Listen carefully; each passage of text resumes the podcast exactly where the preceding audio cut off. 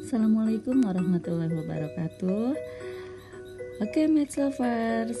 Hari ini 17 Agustus 2020 Kita jadi flashback ya. 75 tahun yang lalu.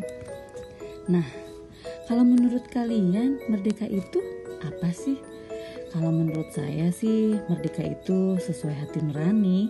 Tidak ada tekanan, tuntutan, tidak sakit hati, tidak kecewa, tidak merasa kekurangan, bebas berekspresi, bebas berkarya, merasa aman, nyaman, tidak dirugikan, tidak diambil haknya.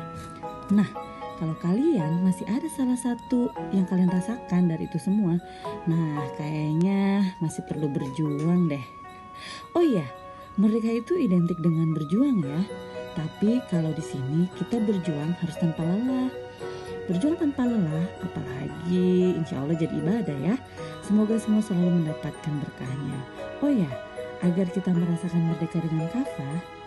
Oke, okay, lovers. Bismillah, lapangan dada, pasrah, dan selalu beribadah. Insya Allah kita merasakan kemerdekaan yang kafah. Oke, okay, lovers. Selamat Hari Kemerdekaan Republik Indonesia yang ke-75 tahun. Happy Independence Day. Selamat pagi. Assalamualaikum warahmatullahi wabarakatuh.